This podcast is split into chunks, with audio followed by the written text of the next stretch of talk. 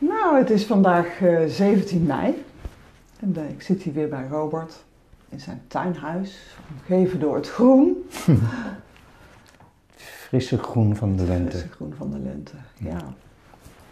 Nou, we hebben net 4 en 5 mei achter de rug. En uh, het zette mij aan tot mijmeren over het begrip vrijheid.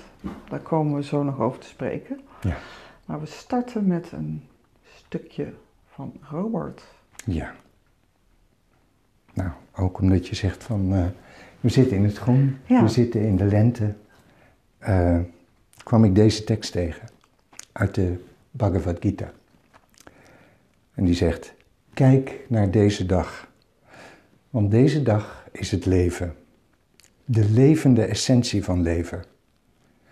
In haar korte aanwezigheid liggen arf alle variabelen van ons bestaan. Het geluk van groeien, de glorie van actie, de verrukking van schoonheid. Want gisteren is slechts een droom en morgen slechts een visioen.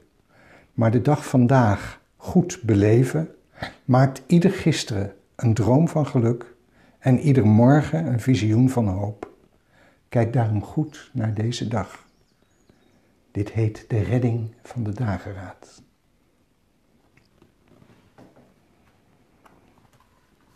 Mooi. Voel meteen een soort rust over mij heen komen. Mm, ja. ja.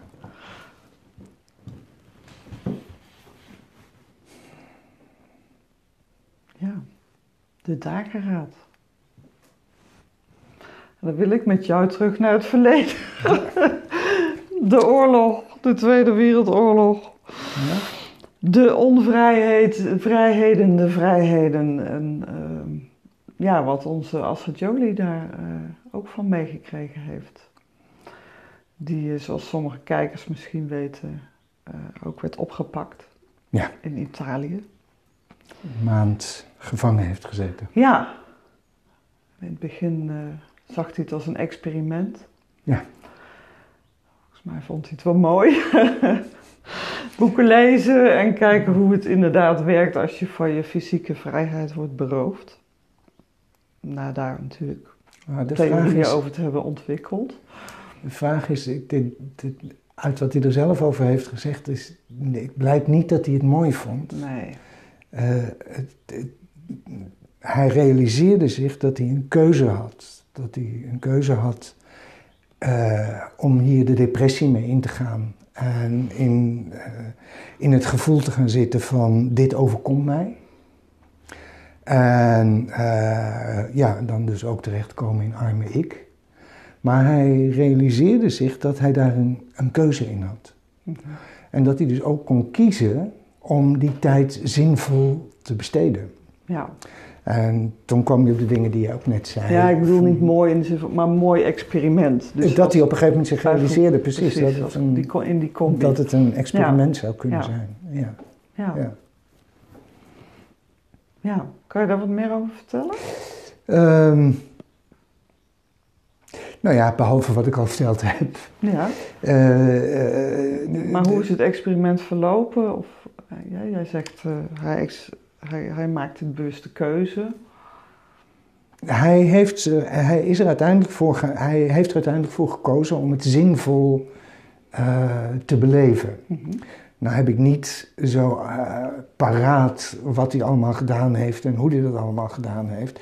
Het enige wat ik weet is dat hij uiteindelijk eh, zeg maar zijn eigen keuze heeft gevolgd. En die tijd ook zinvol heeft besteed in de zin van eh, dat hij zich bezig heeft gehouden met, met de ontwikkeling van zijn eigen spiritualiteit. En zijn eigen spirituele ontwikkeling heeft hij daarin ten dienste gezet.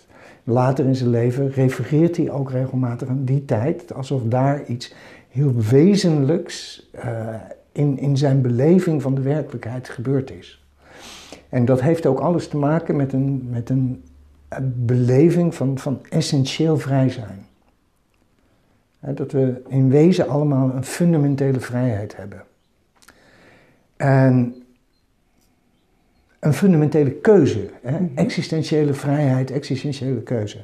Daarin ligt hij natuurlijk heel erg in lijn ook met mensen als Viktor Frankl, die zich ook, eh, prachtig boek, De Zin van het Bestaan, heel erg heeft uit, uitgesproken over uh, wat het betekende om in de concentratiekampen, wat natuurlijk dus nog een heftigere plek is dan waar Assagioli zich in bevond, um, hoe daar mensen van binnenuit de keuze konden maken om in relatie te blijven met andere mensen.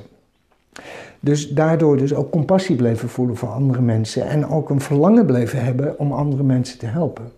En Frankl schrijft heel erg mooi hoe dat mensen die, die uh, in het gevoel terecht zijn gekomen van uh, het is mij overkomen, ik kan hier niks mee, hoe die langzaam maar zeker afglijden naar, een soort bestaan, ja bijna dierlijk bestaan van alleen maar overleven.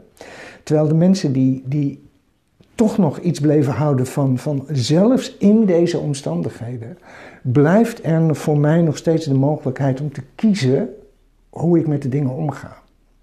En dat wonderlijk genoeg hij later ook in zijn praktijk erachter komt dat mensen die daarvoor gekozen hebben, voor wie de wil en de mogelijkheid, het besef van een vrije keuze te hebben, levend is gebleven, dat die mensen uiteindelijk minder beschadigd en minder diep getraumatiseerd uit die oorlog tevoorschijn zijn gekomen. Terwijl de mensen die, die dat contact met die, die existentiële wil en die existentiële vrijheid verloren zijn, dat die diep getraumatiseerd de rest van hun leven doorkomen. En Asset Jolie heeft daar nooit zo expliciet over geschreven. Ik weet dat hij wel refereerde aan Victor Frankl. Ze kenden elkaar ook. Mhm.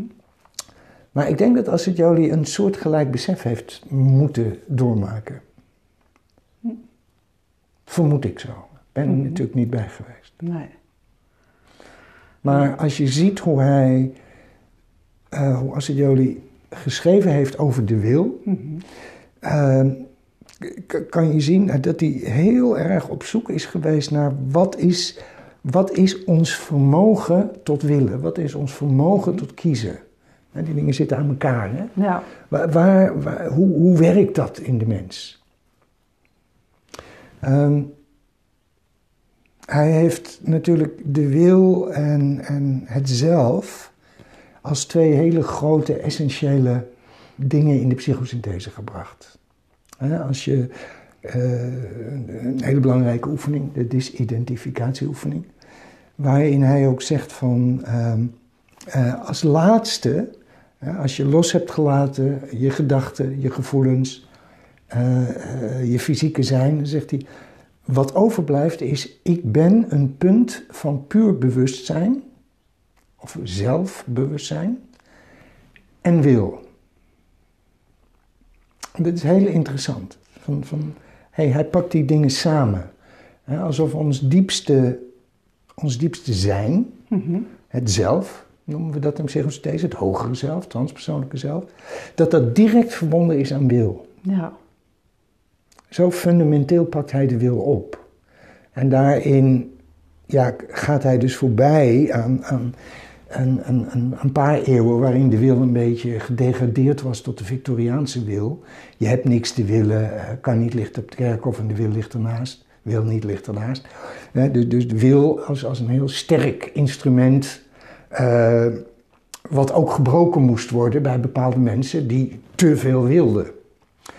En hij gaat, hij gaat verder opnieuw onderzoeken. Hij zegt: nee, nee, nee, nee, nee, dat is een, onder, dat is een vervorming van willen. Wil zit veel existentiëler, zit veel fundamenteler. Ik heb het wel eens vergeleken met de, de, de beleving van het zelf, is een beleving van het hoger zelf, is een beleving van tijdloosheid en alomvattendheid. De beleving van de wil daarentegen zit in de tijd.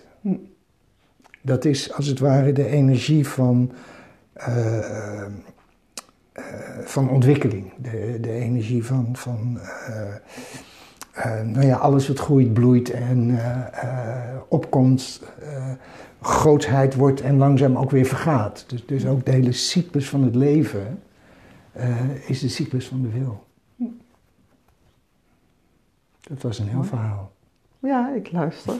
ja. ja, ondertussen zat ik natuurlijk ook te denken aan uh, een boek wat ik uh, gelezen heb. Dat heet De Keuze. Ja. Van uh, Edith Eva Eger, ook een Auschwitz-overleefster, onder andere. Is dat degene waar binnenkort die... Ja, die, uh, die in, dat interview mee Precies, dat interview mee is. Ja. Precies. Zij zit helemaal ook op de lijn van Frankel en uh, ook Astrid Jolie, die Ja. ik nooit heb gekend. Ja. En zij, ehm, ja, als klein meisje hield zij zich ja, in leven, kunnen we wel zeggen. Ze heeft in ieder geval overleefd. Eh, omdat zij helemaal eh, gek was op dansen. Mhm, mhm. En eh, ze moest letterlijk voor mengelen dansen, maar ze Ja. danste ook Ja. in stilte in zichzelf, zonder te kunnen bewegen. Dus dat is ook zo'n vorm van ja, een bewuste keuze voor iets wat haar zin geeft en Ja. zin gaf op dat moment. En trouwens, haar hele leven. Ze eindigt elk interview, ze is nu 93, met een balletsprong. Een soort levenskracht die ze altijd in al die situaties heeft behouden. Precies. En eh, daarnaast heel veel compassie. Wat jij net zei, en, en doe het maar eens als 15-jarige. Dat, Ja. eh, een bewaakster rukt je oorbellen uit je oren. En, en, en je weet daar een compassievol antwoord op te geven. En, en, en, en ook, een ook die vrouw later weer tegenkomen. En het brood met haar delen. Weet je, dus het zijn hele. Ja. Menslievende daden Ja. eigenlijk, die, Ja. die vanuit een meisje van 15 dan ook ontsproten. betekent dat ze een groot vermogen moet hebben gehad om zich te disidentificeren van dat deel van haar wat het slachtoffer was van haar omstandigheden. Ja. En ze wist natuurlijk allemaal niet hoe dat heette en zo, maar dat is ze later tegengekomen toen ze op oudere leeftijd nog ging studeren tot eh, psychotherapeut. Ja, ja. En eh, zij heeft het dan ook steeds over de gevangenis in je hoofd. Hè? Gelukkig hebben wij niet in de kampen gezeten. Eh, waarvan je zelf de sleutel hebt. En dan komt zij dus ook op de keuzes die je kan maken. En nou is het natuurlijk zo dat, dat hè, dit, dit, dit zijn verhalen over eh, mensen in de extreme Ex- situaties. dat zegt zij ook, ja. Eh, wat niet wegneemt dat juist in extreme situaties vaak dingen helder kunnen worden. Ja. En in mijn praktijk ben ik meer dan genoeg mensen tegengekomen die gevangen zitten in hun eigen gevangenis. Tuurlijk. Ja. Dus, dus dat ook in, in een wereld die, die, waar vrijheid eh, hoog in het vaandel staat, zichzelf beleven als zit, vastzittend in een leven van onvrijheid. ja. En dus, dus ook heel erg het idee hebben van ik ben het slachtoffer van, nou ja, dat kan van alles zijn. Het kan slachtoffer van mijn ouders zijn, van mijn opvoeding, eh, van mijn scholing, van, van, van mijn baas, eh, tot en met van mijn kinderen toe. Van, ik zit gevangen in moederschap, heb ik Ja. ooit wel eens een keer iemand horen verzuchten. En, en die dus ook geen, de, de- geen kwaliteit meer kon zien in het moederschap. Nee. Wat natuurlijk een hele zware, dan wordt het een hele zware opgave. Ja. Dan zeker nog in een context waarin je dat eigenlijk niet mag zeggen natuurlijk. Precies, dus dan Ja. gaat de wereld ook nog eens Dan mee zit je ook in een buitengevangenis. tegenwerken. Ja. Ja, Ja. en, en hoe, hoe kom je dan zeg maar op, op de wil bij zo iemand? Heeft zo iemand een wil? Heeft iedereen een wil? Ja, iedereen heeft een wil. En als ik kijk naar deze cliënt, dan, dan zat Wil heel erg gevangen. Echt letterlijk gevangen. Die, die, zat, die was in opstand in haarzelf. Een enorm verlangen om keuzes te maken naar vrijheid. En in feite, alle energie ging naar boosheid op eh, het leven waarin ze zat. Dus dat moet dus ook verschrikkelijk onaangenaam zijn geweest voor haar kinderen en voor haar partner. Ja, Want dat vliegt uit de bocht. ja. Het is veel boos. Ja, hè, de, de, Ja. de- er wordt veel verwezen naar het zijn de kinderen die het mij aandoen, het is mijn man die het me aandoet. Eh, eh, het zijn mijn ouders die ja. mij gedwongen hebben om op vrij jonge leeftijd toch te trouwen. Hè, dus, dus ontstaat zo'n soort verhaal eh, wat zij koestert, hè, wat in haar beleving haar werkelijkheid is. En dat wil ze niet, dus Nee. de trigger zit hem in het niet willen, zou je kunnen zeggen. En die komt naar buiten in puur sterke wil. Hè, eh, of slaat naar binnen En dan is ze boos op zichzelf. Maar dat is allemaal, dat is allemaal wil. Daar zit allemaal beweging in. Dat, Ja. dat is energie die gedragen wordt. Ja. Dus die sterke wil is op dat Dus moment is- heel goed ontwikkeld. Er is heel veel, de, de, de, de, krachtcomponent is Ja. heel goed ontwikkeld. Ja. Ja. Maar er zijn meer wilssoorten. Ja, ja, ja. Ja, ik, ik Ja, het nee, even ook ja, voor de ja. luisteraars die dit niet weten. Ik wou net zeggen, je hebt, het lijkt alsof je een opleiding psychotherapeut hebt. Ja. Nou, wat je, het, ik zal bij dit voorbeeld blijven, Ja. omdat het wel een- op zich wel een heel mooi voorbeeld is van hoe je kan werken met de wil.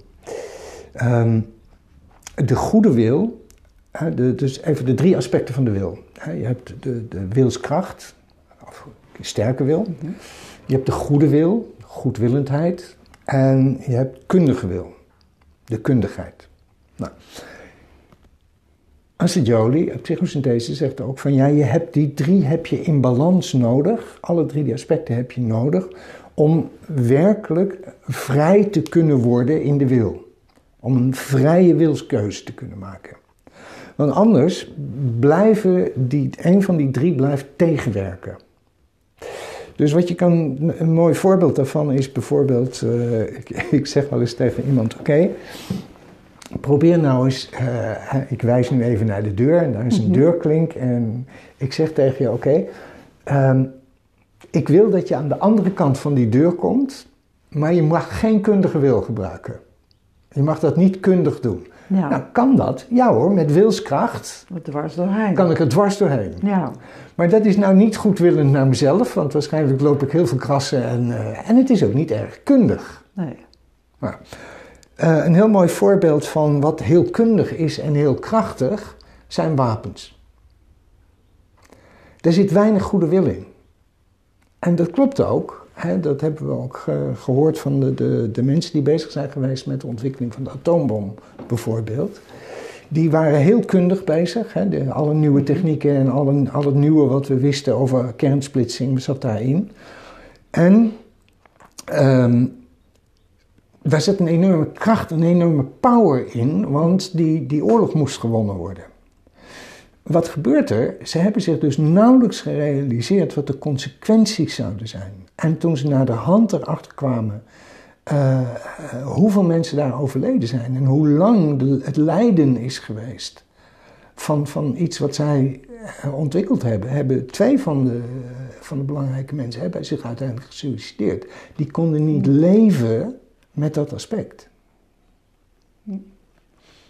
Dus, dus hier zie je heel erg hoe, hoe, hoe niet goed bij elkaar brengen van de aspecten, wat de consequenties kunnen zijn. Eh, Zo kan je bijvoorbeeld hele kundige mensen hebben met, eh, met heel veel eh, goede wil, maar die blijven alleen maar wonden verzorgen. Ik heb wel, je hebt wel eens van die therapeuten ben ik wel eens tegengekomen die alleen maar bezig zijn met hoe gaat het nou met je, gaat het wel goed met je? En oh god meisje toch, ja ja ja wat erg. Maar niet op het punt komen van oké maar wat ga je nou doen? Hè, Je Ja. moet ook keuzes maken, je moet ook vooruit. Hè, dus daar, daar mist dan het sterke aspect. Nou, kom ik even terug naar mijn cliënt van die tijd. Eh, wat je daar zag was dus dat, dat eh, er zat wel goede wil, maar die goedwillendheid die, ging, die zat gev- gevangen in, ik, ik wil het voor mij goed hebben. Dus, dus dat, die zat helemaal gevangen in fantasieën hoe het zou zijn als. Maar daar zat de wilskracht niet in. Dus ze was niet bezig om dat voor elkaar te krijgen. Die wil, de krachtige wil zat helemaal gevangen in die boosheid en in die teleurstelling en in dat soort dingen. Wat heel erg miste hier was de kundigheid. Deze mevrouw had zich nooit afgevraagd: als ik dit wil, als ik verandering zou willen in mijn leven, wat moet ik doen om? Die zat helemaal gevangen in, ja, maar zij moeten dat voor mij doen. Ja, ja, En zij doen het niet. Dus haar. ze had die kundigheid, zou ik maar zeggen, het vermogen van ons om te bedenken hoe kom ik van A naar B, had ze helemaal uitgeleend aan de buitenwereld. Nou, als je terugging in haar geschiedenis, dan zag je ook dat haar ouders haar ook aan de lopende band verteld hadden dat uh, ze had, het maar had te accepteren zoals het was. Dus ze had geleerd om af te wachten totdat papi of mami haar de ruimte gaven om uh, uh, te doen wat ze leuk vond. Nou, om maar een voorbeeld te geven, het was een intelligente vrouw. Ze had met gemak een, een HBO-opleiding, wat dan ook kunnen doen. Maar haar ouders die vonden dat maar onzin, want vrouwen die zijn in feite alleen maar geschikt om te trouwen. Dus zij moest wat toen de huishoudschool heette. Ja. Dus dat heeft ze braaf gedaan. En ze is braaf getrouwd met een uh, huisarts uiteindelijk. Omdat ze slim genoeg was. Maar ze heeft dus nooit een opleiding afgemaakt.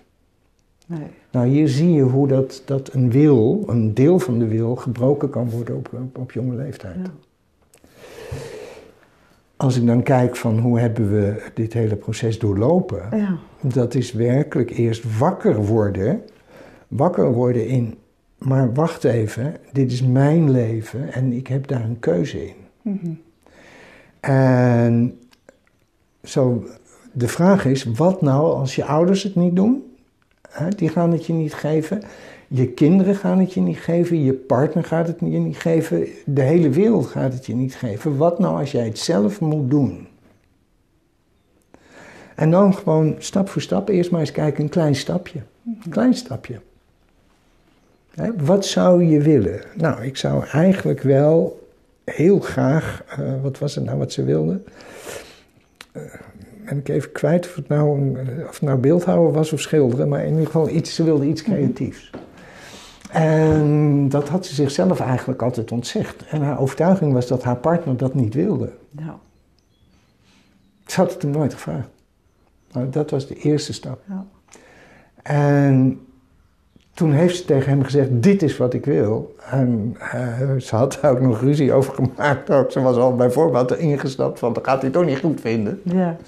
Terwijl ze er hier om had zitten huilen. En, uh, dus ze had het vrij pist verzegd. En toen had hij gezegd: Ja, maar als jij dat wil, waarom doe je dat dan niet? En ze was dus die cursus gaan volgen. Nou, dit, dit was denk ik het eerste stapje waarin zij voor haar beleving iets van, van wat zij voelde van wie ben ik en wat wil ik in dit leven, het eerste stapje wat ze heeft kunnen doen. En ik was erg verbaasd om erachter te komen dat, en dat is altijd interessant, van als je het systeem niet ziet waarin iemand zit. Ik had die, die man dus nooit ontmoet. Nee. Dus dat blijven altijd verhalen dan. Ja. En in mijn ach achterhoofd weet ik dan wel van, ik moet mijn beeld van die man niet laten kleuren door haar verhaal. Maar het grappige was dus, naarmate zij meer voor zichzelf opkwam en meer uh, begon te ontwikkelen van, van welke kwaliteiten, welke potentie heb ik nou eigenlijk in me. En daar mag ik voor kiezen en daar mag ik voor gaan. Naarmate dat verder gebeurde, bleek haar man eigenlijk een ontzettend lieve man te zijn. En eigenlijk helemaal niet, helemaal niet iemand die haar belette om haar eigen leven te leiden. Ja. Terwijl ze hem in het begin wel zo neerzette. En daar kan je dus ook in zien hoe, hoe sterk een, een, een innerlijk verhaal geprojecteerd wordt op de buitenwereld. Ja. En hoe het onbewuste, en ook dat, daar zit wil, hoewel, eh, hoe ook dus het onbewuste dingen creëert in ons bestaan, die ook weer de uitweg geven uit ons lijden. Dus interessant is, zij heeft dus gekozen ooit voor een man die haar juist wel zou stimuleren. Alleen dat kon ze niet zien. Dat kon ze totaal niet zien. En onbewust heeft ze toch voor die man gekozen. Maar ze bleef op hem projecteren wat ze meegekregen had van haar ouders. De wereld zal mij nooit geven, uh, de ruimte geven om, om mijzelf te ontwikkelen in, in wie ik ten diepste ben, in mijn diepste essentie. Ja. Dat is dan die drama-driehoek hè, waar je dan in terecht komt. Met slachtoffer Ja. en dader. En, En rebel. precies, Maar die rebel had zij niet driehoek. Nee, nee. Die rebel die was weg. Ja. Dat, was, dat zie je wel vaker hè. Slachtoffer dader en dan krijgen we de rebelse, eh, de rebelse kant. Behalve als het gaat slachtoffer, dader, slachtoffer, depressie. En dan stopt hij. Dan valt hij dood neer. Want dan is er dus geen middelvinger. Dan is er niet iets wat in opstand komt meer. Ja. Dan is er alleen maar de diepe overtuiging: het gaat mij toch niet lukken. Ah, ja. Is, kun je dan zeggen Het dat de wil heel niet. klein is? Of bijna weg Nou, is? die wil is er wel, maar die brandt bijna ter eigen vernietiging, zou je Ah, kunnen ja. zeggen. Die is er wel. eh, de depressieve mensen zijn woedend. Hmm. Daar zit een enorme woede onder. Alleen die komt niet tevoorschijn. En althans, als woede komt die niet tevoorschijn. Maar wat heel naar is, ehm, als, je, als je te maken krijgt met mensen die op deze, deze vorm van depressie, hè, en ik heb het even niet over, er zijn ook andere vormen van depressie. Hè. Je kan ook werkelijk een, een, een dopamine tekort en, en een chemische disbalans kan, voor, kan ook voor een depressie zorgen. Daar heb ik het nu niet over. Ik heb het nu over de depressie die ontstaat in je eigen binnenwereld door hoe je met de dingen omgaat. Dat, dat is een andere versie. Maar wat je ziet bij mensen die dat doen, die zijn dus ook heel boos op de wereld. En het interessante is, hoe komt die eruit? Door bijvoorbeeld, ehm, in, in therapie kom je dat dan tegen, dan probeer je iemand te helpen en die zegt dan vol overtuiging, ja maar daar heb ik niks aan. En die zeggen dat somber en zwaar. En wat je voelt is alsof je een tik op je vingers krijgt. En je bent met iemand aan het werk en, en je lijkt bijna ergens te komen. En dan zeggen ze ineens: Ja, maar dit heb ik al zo vaak geprobeerd. En, en dat je aan de ene kant voel je dan in jezelf, dan krimp je een beetje in elkaar. Zo van, dan heb ik zoveel tijd en energie erin gestoken. Dus aan de ene kant doet het zeer en aan de andere kant merk je dat je ook een beetje bozig wordt. En als het maar vaak genoeg gebeurt, dan, dan, voel, dan neem jij dus een stuk, dan wordt in jou dus de boosheid aangewakkerd. Daarom is het voor mensen met een depressie zo lastig in de wereld. Omdat ze steeds in de ander oproepen de wil. Dus mensen met een, met een zware depressie roepen in jou actie op. Ja. Dus die krijgen dus aan de lopende band, moet je dat even voorstellen, die krijgen aan de lopende band te horen, ja maar je kunt toch ook gewoon, Ja. maar waarom doe je niet? Ja maar als je nou, hartstikke goede bedoelingen, maar het interessante is dus, maar dat is nou net wat ze dus niet kunnen. Dus die voelen zich de hele tijd niet gehoord Nee. in het lijden waarin ze zitten, omdat de wereld steeds maar met wilsoplossingen aankomt. En dat is nou net wat ze niet te pakken krijgen. Dus het is heel lastig. Ja. En, en dus het enige wat je kan doen is erbij blijven. Blijf erbij. Luister. Want het lijden is echt. Het doet echt zeer. Het is echt de naaste plek om te zijn. Hij is namelijk niet verdrietig, hij is dood. Emotioneel dood, dat is. Het is nog erger dan pijn. En dat is wat je mensen met depressies ook heel vaak hoort zeggen van, het heeft toch geen zin. Ja. Dus, dus om daar in die diepte weer, weer het, het vlammetje Mhm. Van, van de wil terug te vinden, is heel lastig. Maar het is er wel. En, en dat, dat zijn kleine stapjes, kleine stapjes, kleine stapjes. Ja. Ja, ja. we zijn een beetje afgedwaald van 4 en 5 mei, geloof ik. Nou, op zich. Van, dat was de vrijheid van buiten en van binnen. Ja. Ja. Want ik was nog even op zoek naar. ehm, hè, dus, dus jouw voorbeeld van die mevrouw, die, die is met de kundige wil aan de slag gegaan. En eh, ehm, uiteindelijk. eh, ja, hoe zeg ik dat leuk? Ik weet niet zo goed. Maar wil je naar de goede wil? Want wat goed is voor jou is goed voor een ander. En dat is uiteindelijk iets wat je betekenis geeft in het leven. En dat is waar wij allemaal naar zoeken. Hè? Waar ook Eva over schrijft en Victor Frankl en, en Roberto en allemaal. Ehm, hoe ga je van dat stapje kundige wil naar de goede wil?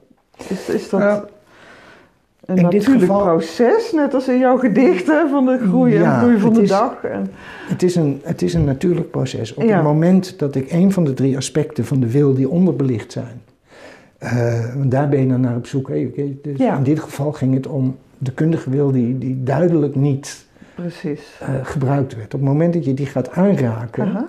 komen de andere wilsaspecten die er nog wel waren, die komen in een ander komen daglicht te tot staan. leven. Of die, die...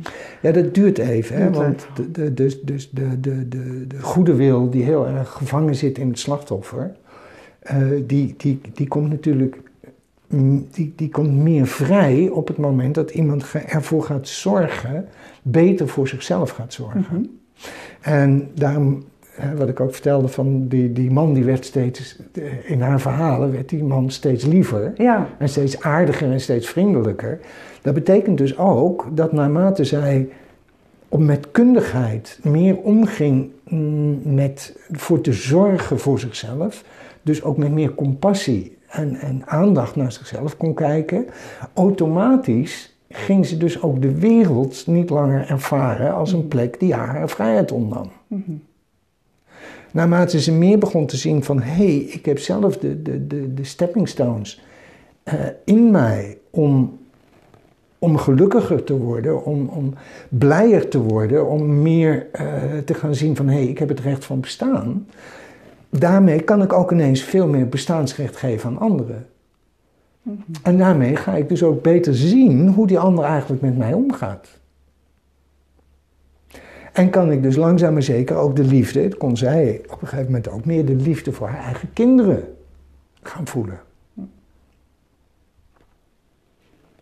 En wilskracht, de krachtige aspecten van de wil, die komen ook mee.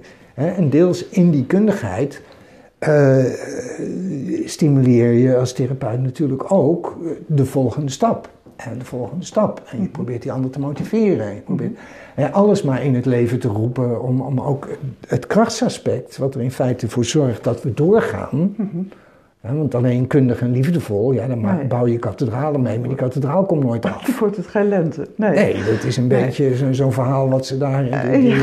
Familia Sagrada in, in eh, Barcelona. Dat is allemaal ontzettend liefdevol en allemaal heel kundig. Maar die komt nooit af, die kathedraal. Op deze manier. Dan moet iemand zeggen van, moet knopen door gaan hakken. We gaan nou dit doen, we gaan nou dat doen. En, eh, en, maar daar houden we ons ook aan. Ja, En niet zo van, oh, maar dit is interessant en we kunnen nog een krul in een krul eh, maken.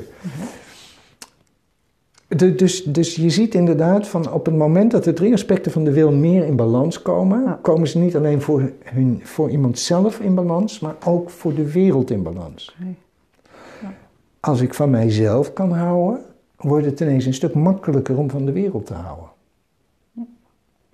Als ik alleen van de wereld hou en niet van mezelf, dan kom ik in een, in een wonderlijke situatie dat de wereld mij dingen moet gaan geven en dat ik dat dus zelf niet in mijzelf zou hebben. En dat is niet waar. Nee. Dus ja, als de zuurstofmaskers naar beneden komen, neem je eerst het zuurstofmasker voor jezelf en dan zet je het bij je kinderen erop. Met andere woorden, als ik in liefde wil leven, zal ik eerst moeten zorgen dat ik ook liefde naar mezelf kan voelen. En dan kan ik het naar de wereld voelen. Is geen 100% wet, Mhm. want er zijn voorbeelden plenty van eh, eh, leerlingen die helemaal leven door hun, hun, hun leermeester bijvoorbeeld. Mhm. En hun leermeester als het grote goed blijven benoemen. En zichzelf altijd als eh, een, een bescheiden monnik die, die de goeroe volgde. Ehm, maar dat is een ander proces. Dat is op zich ook wel interessant wat daar gebeurt, maar daar gaan we, nou, gaan we Nee. daar nu niet op Nee. ingaan. nee. Dus is dat een antwoord op jouw vraag? Ja, ik denk het wel. Ja. Dus, dus die, die drie zijn nauw met elkaar verbonden. En, en als je op een van de drie wat minder ontwikkeld bent, dan ga je dat wat meer ontwikkelen en dan stimuleert dat automatisch de rest. Ja.